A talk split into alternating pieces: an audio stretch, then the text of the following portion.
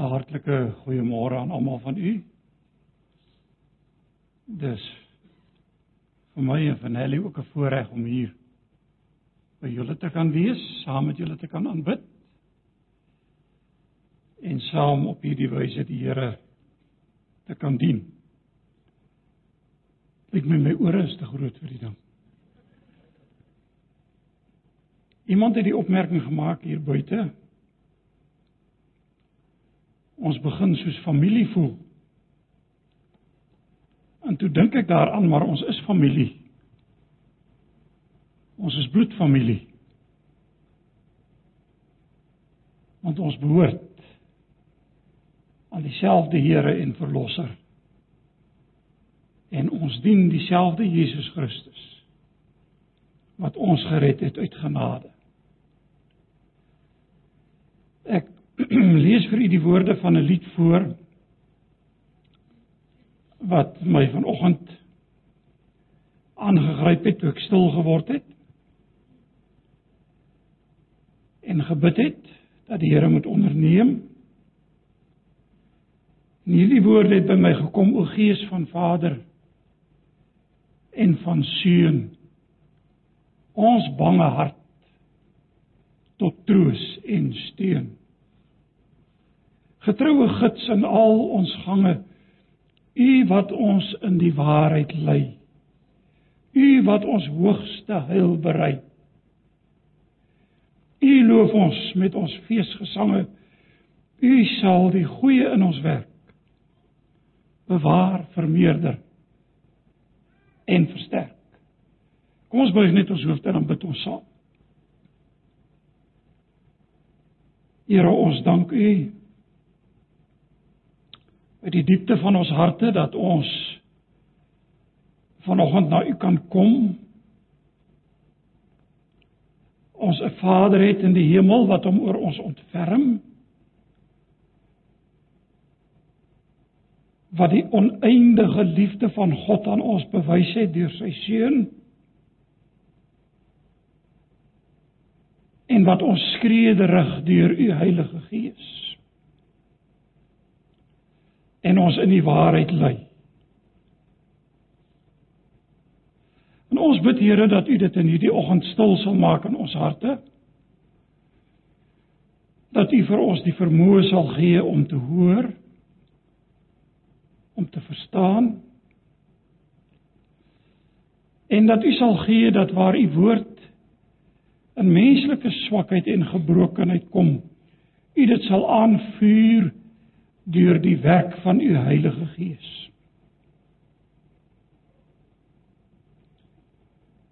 Ek bid vir elkeen in hierdie gebou. U ken vir ons met ons vreugde met ons hartseer. Met ons vooruitsigte maar ook teleurstellings. En terwyl ons in hierdie oomblikke oop en bloot voor U is, ja niks voor U is verborge nie. Bid ons dat U ons harte sal aanraak en ons oë sal open. Ons vra dit in Jesus naam. Amen. Die skriflesing wat ek in u wil voorhou vind u uit 'n paar gedeeltes uit Romeine uit. Die brief van die apostel Paulus aan die Romeine en ek gaan uit hoofstuk 1 net twee versies lees. Eh, die twee versies gee eintlik die sleutel vir ons tot die hele brief wat gaan volg. En dis vers 16 en 17 van hoofstuk 1. Maar die apostel Paulus sê want ek skaam my nie oor die evangelie van Christus nie want dit is 'n krag van God tot redding vir elkeen wat glo. Eerste vir die Jood en ook vir die Griek. Want die geregtigheid van God word daarin geopenbaar uit geloof tot geloof soos geskrywe is maar die regverdige sal uit die geloof lewe. En dan gaan die apostel Paulus aan in die res van hoofstuk 1 om die absolute skuld van die heidendom uit te lig en om aan te toon hoe dat hulle in elke opsig ongeag hulle eie pogings ongeag wat hulle doen in terme van hulle eie godsdienste skuldig staan voor God. En van die heidene af in hoofstuk 2 verskuif Paulus se fokus na die Jode. Die Jode wat hulle beroem het op die wet. En in hoofstuk 2 kom die apostel Paulus om aan die Jode te sê dat ook hulle ongeag die wet almal skuldig staan voor God. En dan kom sy konklusie in hoofstuk 3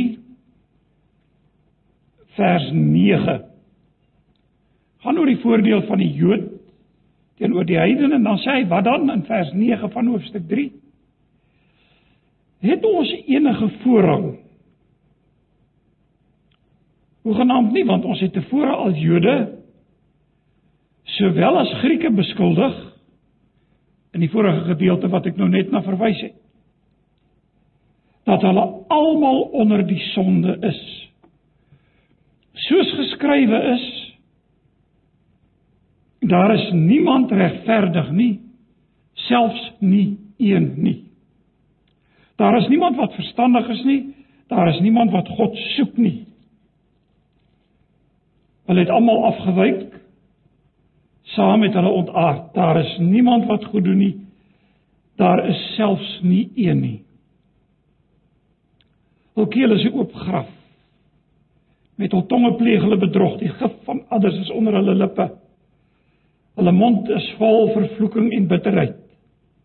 Haastig is hulle voete om bloed te vergiet. Verwoesting en ellende is in hulle paaie en die weg van vrede ken hulle nie. Daar is geen vrees van God voor hulle oë nie. Nou weet ons dat alles wat die wet sê, hy dit sê vir die wat onder die wet is, sodat elke mond gestop en die hele wêreld voor God doemwaardig kan wees. Aangesien uit die werke van die wet geen vlees vir hom geregverdig sal word nie. Want deur die wet is die kennis van die sonde 'n baie uitsiglose en 'n donker prentjie nie waar nie. En dan lees ons verder in vers 21 waar die lig deurbreek. Maar nou is die geregtigheid van God geopenbaar sonder die wet. Terwyl die wet en die profete daarvan getuig. Die geregtigheid naamlik van God deur die geloof in Jesus Christus vir almal en oor almal wat glo. Want daar is geen onderskeid nie, want almal het gesondig en dit ontbreek hulle aan die heerlikheid van God en hulle word deur sy genade sonder verdienste geregverdig deur die verlossing wat in Christus Jesus is. Hom het God voorgestel in sy bloed as 'n verzoening deur die geloof om sy geregtigheid te bewys deurdat hy die sondes ongestraf laat bly het wat tevore gedoen is onder die verdraagsaamheid van God om sy geregtigheid te toon in die teenwoordige tyd sodat hy self regverdig kan wees en regverdig maak wie uit die geloof in Jesus is. Maar as dan die roem is uitgesluit deur watter wet van die werke? Nee, maar deur die wet van die geloof. Ons neem dus aan dat die mens geregverdig word deur die geloof sonder die werke van die wet. Of behoort God net aan die Jode en nie ook aan die heidene nie. Ja, ook aan die heidene. Aangesien dit inderdaad een God is wat die besnedenes sal regverdig uit die geloof en die onbesnedenes deur die geloof. Maak ons dan die wet tot nie deur die geloof? Nee. Stellig nie, inteendeel. Ons bevestig die wet. Net hierdie gedeelte. My bede is dat die Here wanneer ons by hierdie gedeelte gaan stil staan, dit ook aan ons ryklik sal seën. Wonderlike gedeelte in die Bybel. Ek onthou baie jare gelede het ek vergaderings bygewoon, Baptiste Unie vergaderings. As hier in die vroeë 80er jare. En uh, ek kan nou nie meer onthou wat die tema was nie, dis nou 'n bietjie lank terug. Maar ek kan nogal onthou dat die fokus van die sprekers by daardie geleentheid baie geval het op die die subjektiewe belewenis van 'n mens se redding. Nou ek wil nou nie vanmôre sê daar is nie so iets soos 'n subjektiewe belewenis nie, want ons is almal emosionele mense. So daar is subjektiewe belewennisse. Maar weet jy, ek was later van tyd so bekommerd. Toe ek nou terugkom in die hotelkamer, toe vat ek nou maar Romeine. En ek lees weer 'n slag Romeine om weer die objektiwiteit van die heil in Christus Jesus te kan raak sien en net te kan sê dankie Here u het dit vir my gedoen dis vandag hervorming sonderdag dit voer ons gedagtes terug na nou ja dit sal môre 493 jaar terug wees so die halwe uh, die 500 jaar kerk is om die draai. Wat Martin Luther sy 95 stellings daar aan die slotkerk van Wittenberg vasgespijker het. Ek onthou dat 'n student eendag in 'n geskiedenisvraestel antwoord stel van my geskryf het hoe dat 'n sekere mens op 'n sekere datum sekere stellings aan 'n sekere kerkgebou vas gespyker het. Nou die die sekere man was Martin Luther en dit was die 95 stellings in reaksie oor die wanpraktyke wat op daardie tydstip in die Rooms-Katolieke Kerk aan die gang was. Nou Martin Luther self is in 1483 gebore in in Eisleben. En hy is in dieselfde dorpie oorlede op 'n reis daardeur. En hy was 'n baie kontroversiële persoon. En ek dink op 'n dag soos hierdie dink 'n mens onwillekeurig aan die geweldige invloed wat hierdie man uitgeoefen het en wat God gebruik het op 'n gegeewe moment om die hart van die evangelie terug te kry binne in die evangelie. Want persoonlik reken ek dis waar sy groot bydrae lê. Hy was baie uitgesproke. As vreeslike staaltjies wat oor hom vertel kan word. Ek het nou ongelukkig nie die tydskrif tot my beskikking nie, maar in die biblioteek by die seminarium is daar 'n tydskrif, baie oulike tydskrif wat gaan oor oor die uh ek dink die titel van die tydskrif is Christian History. En 'n baie akademiese tydskrif maar ook baie inligting wat 'n ou normaalweg nie kry nie. Daarin kon 'n mens agterkom hoe uitgesproke Luther was. Enige een wat hom teëgestaan het of wat nie heeltemal net met hom saamgestem het nie, op 'n klein puntjie miskien sou verskil het. Sou en ek is bang om dit hier te sê, maar hy sou vir hom 'n vark teoloog genoem het, kan nie glo. Vir Zwingli, 'n mede-hervormer, wat op bepaalde punte van hom verskil het, het hy gesê, "Ag sy verstandjie is te klein vir hierdie goed."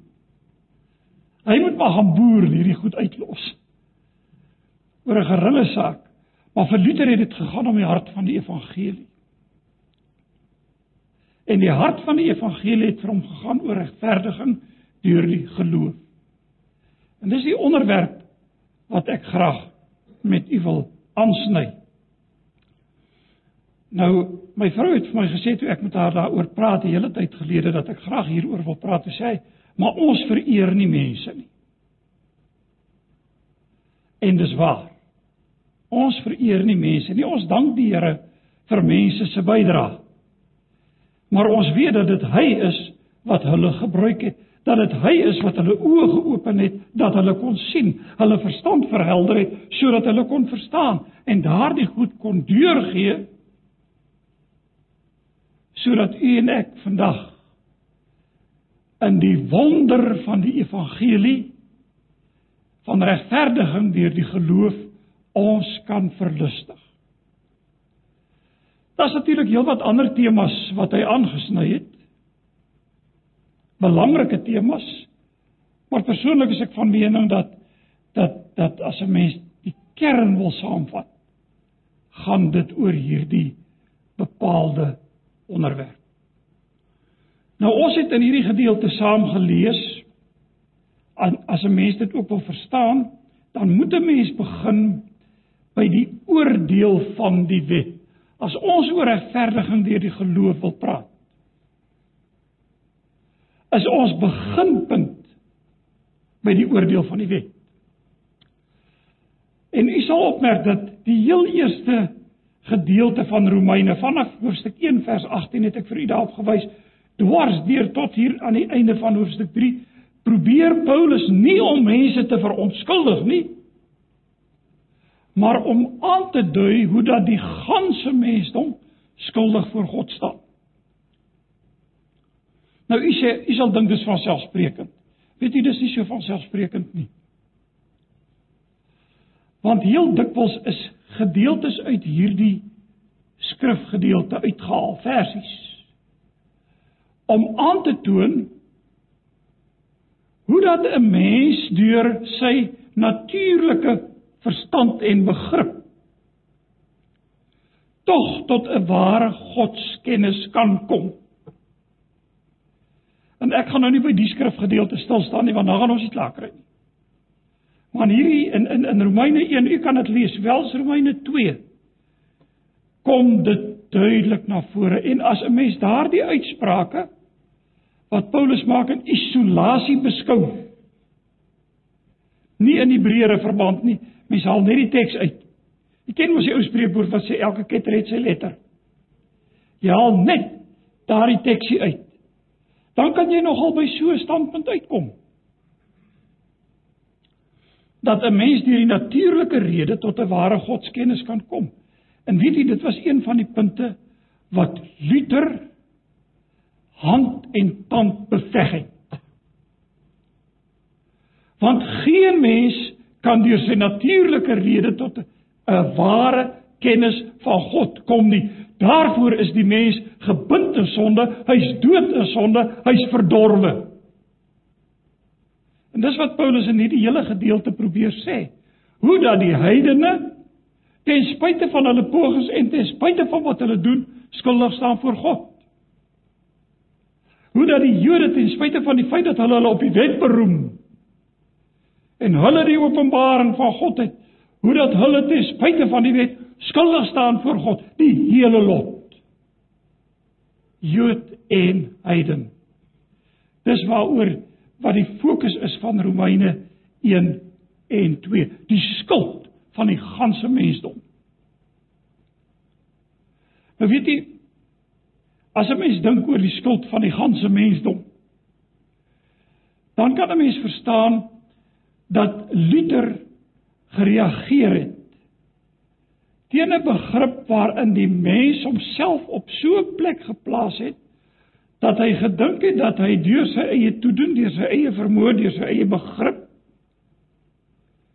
dan tot 'n ware godskennis kan kom. Dit het bekend gestaan in die vroeë kerk in die teologie as die teologie van heerlikheid, theology of glory. En toe oor hierdie theology of glory het Luther gestel die teologie van die kruis. Want ek kan alleen deur die Here Jesus en deur sy kruis tot 'n ware kennis van God kom, want het Jesus gesê, niemand kom na die Vader behalwe deur my nie. Ek is die weg, die waarheid en die lewe. So daar's geen ander weg nie, daar's geen ander manier nie. En die natuurlike rede is gans te verdorwe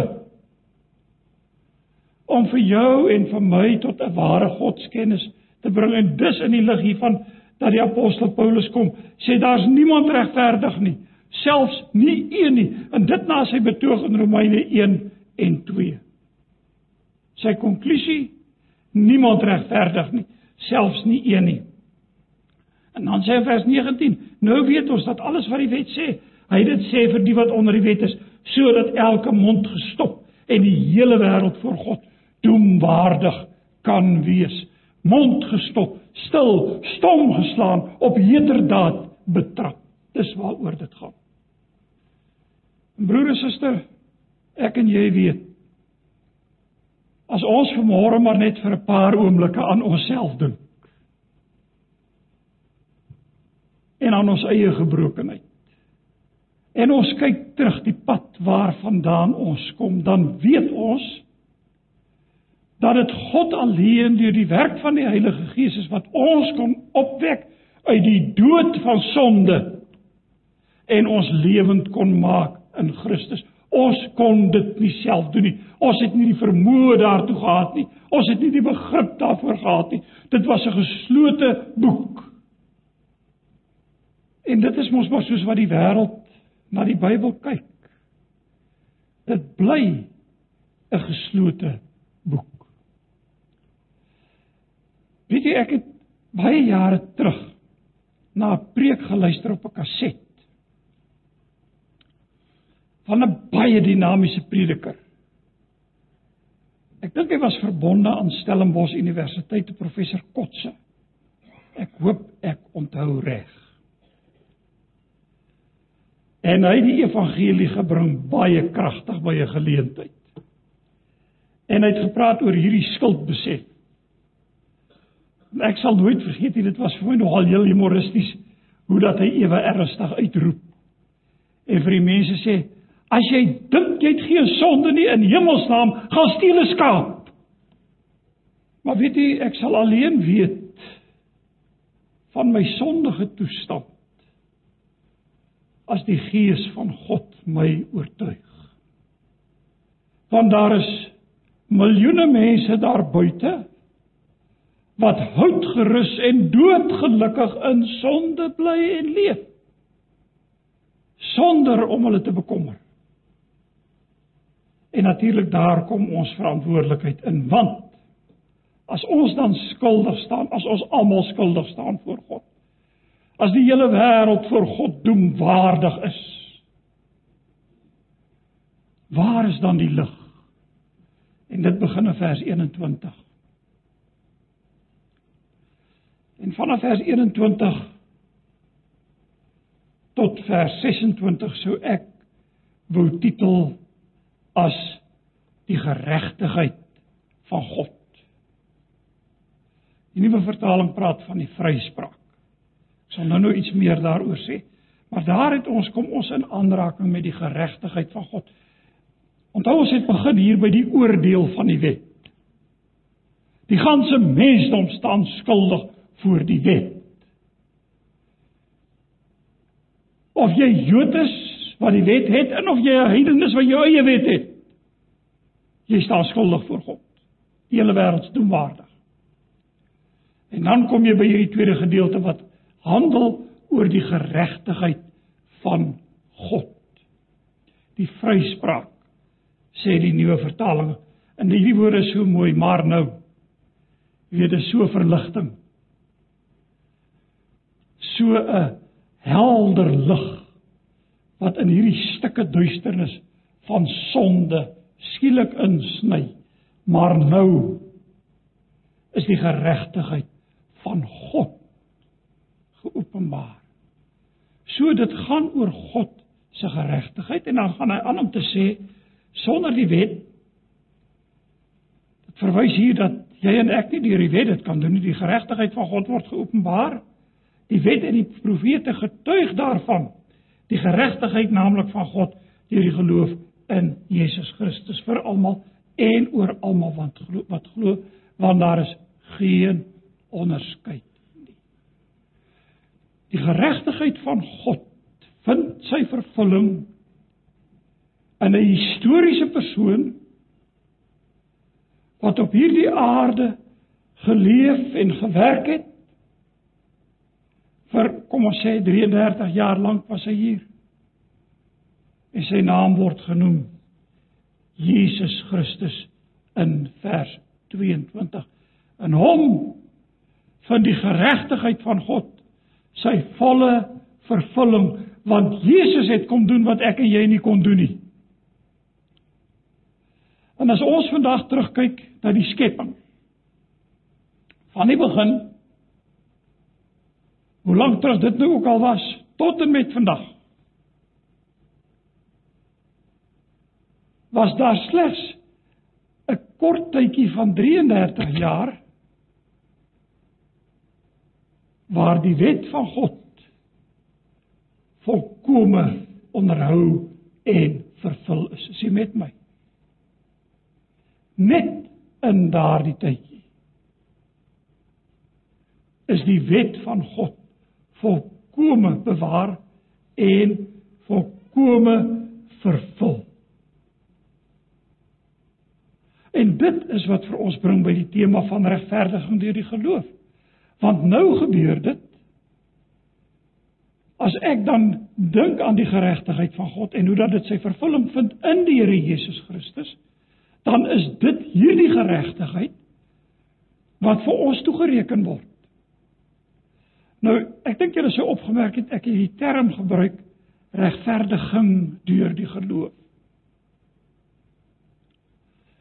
Ek doen dit met opset die ou tradisionele term wat gebruik was en wat ons maar almal baie gebruik is regverdigmaking deur die geloof. Maar jy sien regverdigmaking deur die geloof dra aan homself 'n idee van God vat vir jou en vir my en hy maak ons regverdig sodat hy as hy na ons kyk hy ons kan sien as regverdig. En dis nie wat dit is nie. Dit was die groot verskil tussen die Rooms-Katolisisme en Martin Luther en die Protestantisme in die vroeë in die in die hier in die 16de eeu. Want die Rooms-Katolieke het wat ek gaan vir julle die groot woorde gee het 'n analitiese regverdigingsleer uh, voorgestaan. Wat beteken dit? Analities beteken daai persoon word geneem en hy word daar geplaas en God kyk na hom en hy analiseer hom en tot kom dan tot die konklusie dat deur sy genade, deur sy ondersteuning, deur sy hulp het daardie ou gevorder op hierdie pad sodat hy nou regverdig kan wees. Die reformatore het gesê nee, dit kan nie wees nie. Die Bybelse konsep is God kyk nie na jou nie.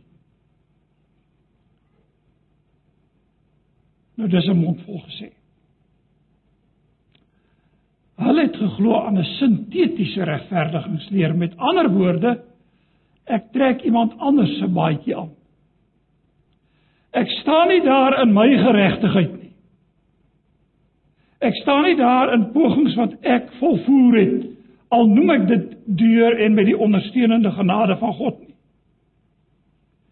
Die enigste manier wat ek voor God kan staan is as sy seun Jesus Christus in my plek staan.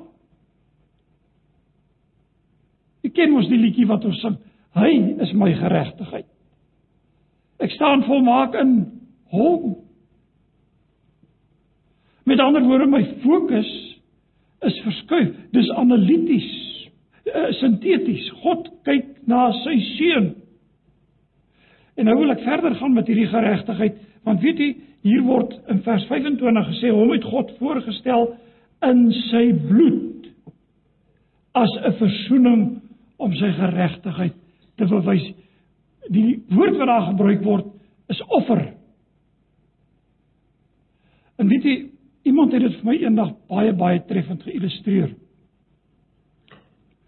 In 'n boodskap. Hy het nogal teruggegaan na die Ou Testament en gesê, "Goed. Hier kom die pa sy gesin. Hulle gaan nou 'n uh, 'n uh, lam offer." So nou stap hulle met hierdie lam na die priester toe. En as hulle nou by die priester kom, wat doen die priester? Kyk hy die pa op en af. En hoe lyk die pa? Is hy daarom paslik aangetrek vir die geleentheid? Is hulle daarom gangbare mense? Is hulle lyk hulle daarom so min of meer oordentlik? Nee. Hy kyk nie na die mense nie, hy kyk na die lam. So kyk God na sy seun in jou en in my plek. Dis wat toegerekende geregtigheid beteken. Sintetiese regverdigingsleer om weer die groot woord te gebruik. Hy kyk na sy seun wat die wet van God getrou uitgevoer het. Wat dit vervul het in jou en in my plek. En uiteindelik en hier sê hy in hierdie versie die offer vir ons gebring het. Die volmaakte lam sonder gebrek en vlekkeloos. Petrus sê vanaf voor die grondlegging van die wêreld. Dis hierdie lam wat God sien in jou en in my plek en gelukkig ook maar nie waar nie. Want weet jy ek het al baie daaraan gedink. En ek het dit ek het dit by verskeie geleenthede ook al gesê. As ek dink aan my eie gebrokenheid en my eie menswees en God moet na my kyk en my pogings en dit wat ek gedoen het het ek nie 'n greintjie hoop om God ooit te kan sien nie. My enigste hoop is dat God sy seun in my plek sal raak sien. Wat in my plek kom staan het. Want hy's volmaak. Sonder smet. Hy's die enigste een wat in my plek kan staan. Het ons nie so rukkie terug 'n lied gesing. Nie jou trane gebede, bekering, berou. Nie dit wat ek doen nie, maar sy bloed werk verzoening vir jou. So hierdie hele tweede gedeelte vanaf vers 21 en nou gelukkig ontbreek die tyd dat 'n mens dit nou volledig kan deurgaan, gaan oor die geregtigheid van God. So, ons het begin die oordeel van die wet. Die wet veroordeel ons almal. Maar nou, die geregtigheid van God soos wat dit sy vervulling vind in Jesus Christus. Jesus in jou en in my plek. En dan kom die laaste gedeelte wat ek sou noem die antwoord van geloof. Want jy moet kyk deurgaans hier word geloof gebruik. Die geregtigheid naamlik van God vers 22 deur die geloof in Jesus Christus vir almal en oor almal wat glo. En dan kan ons maar net verder kyk. Vers 27, waar is die roem? Uitgesluit deur watter wet? Werke? Nee, maar deur die wet van die geloof. Ons neem dus aan dat die mens geregverdig geregverdig word deur die geloof sonder die werke van die wet, want die wet verklaar hom skuldig. Daarin lê die kern van die hele saak en was een van die belangrike temas van die hervorming regverdiging deur die geloof. Nou wat is die plek en wat is die rol van geloof? Nou ek het te vermoede, ek is nie heeltemal seker nie, maar ek ek het te vermoede ek het 'n lang tydjie gelede hier tog iets aangesny oor geloof. As ek dit gedoen het, dan mag ek dalk nou herhaal van wat ek daar gesê het. Maar geloof is nie 'n selfstandige bydrae wat ek en jy kan lewer sodat ons die geloof soos 'n pakket kan neem en dit voor God kan gaan hou en sê hier Here is my bydrae nie. Dis nie wat geloof beteken nie. Want dan maak ek van geloof die werke van die wet. En daardeur kan ek nie geregverdig word nie. Geloof staan nooit op sy eie bene nie. Geloof is voorwerp gerig. Luister wat sê die teks hier in vers 22. Deur die geloof in Christus Jesus. Met ander woorde, dit is nie geloof nie. Mens al hoor dat mense sê ag man, elke ou sal deur sy eie geloof salig word. Daar staan nie so iets in die Bybel nie. Geloof is gefokus, geloof is gerig, is voorwerp gerig op Jesus Christus. Met ander woorde, my redding lê nie in my geloof nie, maar in my geloof in Christus Jesus. By hom lê my redding. En ek gebruik altyd die illustrasie en waarskynlik het ek dit hier gebruik, ek weet nie. As 'n mens in die oggend jou ontbyt eet, jy het 'n bord pap voor jou. Dan vat jy nou normaalweg jou lepel en jy eet die pap, nie waar nie? Nou wat versadig jou, die lepel of die pap? Natuurlik die pap, nie waar nie? Die lepel is die instrument waardeur die pap by jou mond uitkom.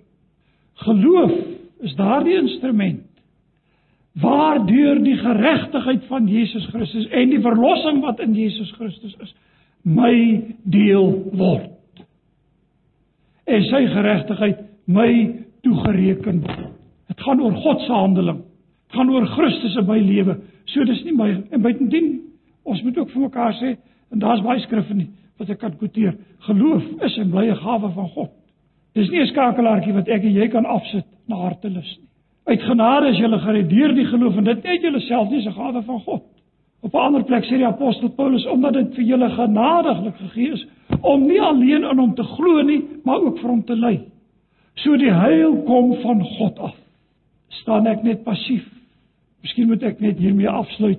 Baie jare terug was so 'n jong predikant in 'n gemeente hier in Pretoria, Rietfontein gemeente. Lui die foon en 'n uh, Hollandse oomie skakel my wat ek glad nie ken nie, maar hy wil my dringend kom sien. Ons maak 'n afspraak en weet jy, hy kom daaraan stiptelik op die tyd wat hy gesê het. Klim hy af en hy stap by die huis in. Ons het in die studeerkamer gaan sit en onmiddellik begin hy praat uit 'n plan uit 'n reis beplan oor see hy en sy vrou. En skielik het hy angsbevange begin raak en geweet sy saak is nie reg voor God nie. Sonder dat iemand met hom gepraat het, was hy benoud. Hy het nie geweet wat gaan van hom word nie. En skielik het sy sonde soos 'n berg voor hom gestaan. En in daardie nood en in daardie paniek het hy by my ingekom en weet jy my eerste reaksie was dankie Here, u Gees het klaar sy werk gedoen.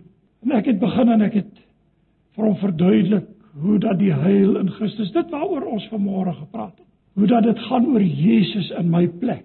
En weet jy wat nou die interessante is? Ek weet nou nie wat julle daarvan sal sê nie, maar daar was nie op daardie stadium 'n sondebelydenis of uh, uh, een of ander erkenning van uh, van God en sy almag nie niks. Hy het op sy knieë gegaan. Die trane het oor sy wange gerol en hy het uitgeroep ek dank u God. Ek dank u. En daardie oom se lewe het verander soos dag by die nag. Martin Luther het homself gaan toesluit. Johan Staupitz het gesê hy voer dit te ver. Dan gaan doen hy sondebelydenis. En daar waar hy in sy kamertjie sondebelydenis doen, doen hy dit oor en oor en oor. En dan stap hy uit en as hy so rukkie uit is, dan dink hy, ooh, hy dalk iets vergeet. Iets in sy gedagte, iets wat dan gaan hy terug. En dan gaan hy weer van voor af en dan begin hy sonde bely. Wat het hy die basis van sy redding gemaak? Sy sonde belydenis. Ons as mense kan erken ons staan met leë voor God nie. En Martin Luther wou sy sonde belydenis die basis maak van sy redding totdat hy ontdek het die regverdige sal uit die geloof leef. En toe het hy gekom by hierdie vrolike uitruilery. Wat sê hierdie ruilery? Soos in 'n huwelik, gemeenskap van goedere. Dit wat Jesus in is, word nou myne. Sy heiligheid, sy geregtigheid, sy gehoorsaamheid, dit word myne, word my toegereken. En wat kry hy van my? Hy vat my sonde op hom. Hy vat my mislukkings op hom. Hy vat my gebrokenheid en my ongeloof op hom en hy dra dit. Kan jy verstaan dat hy gepraat het van hierdie vrolike ruiltransaksie? Dis die hart van die evangelie. mag hierdie kernwaarheid in ons harte brandende bly en van ons dankbare mense maak.